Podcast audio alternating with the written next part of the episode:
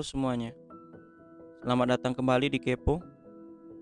Di episode ketiga ini, gue cuma mau menyampaikan keresahan gue mengenai hal yang lagi rame diperbincangkan oleh kalangan musisi di mungkin beberapa minggu terakhir ini. Ya mungkin kalian udah sering denger lah tentang PP 56 tahun 2021 yang ditekan oleh Jokowi tanggal 30 Maret tahun 2021.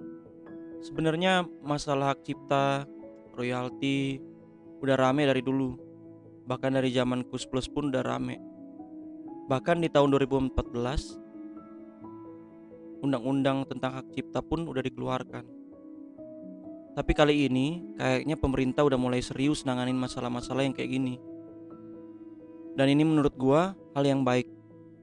Hal yang patut kita apresiasi Pemerintah mulai melihat kesejahteraan para musisi, mulai mengapresiasi para musisi yang ada lewat perlindungan hukum tentang pengelolaan royalti ini.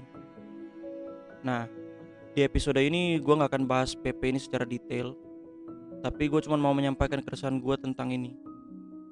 Menurut gue, peraturan ini memiliki dua dampak, yaitu yang pertama, musisi akan mulai sejahtera, namun yang mungkin akan kerasa dampak sejahteranya adalah musisi-musisi yang mungkin udah terkenal di bidangnya masing-masing.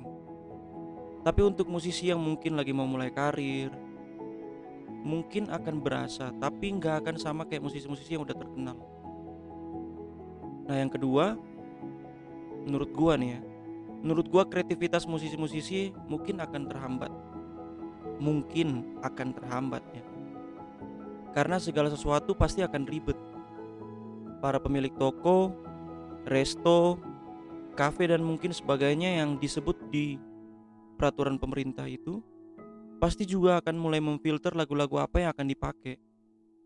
Dan bisa aja ekstrimnya bahkan yang akan diputar adalah hanya lagu barat semua.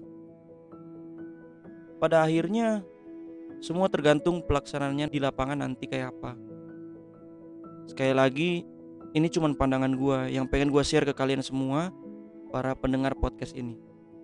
Terima kasih udah mendengarkan. Sampai ketemu di podcast selanjutnya. Ciao.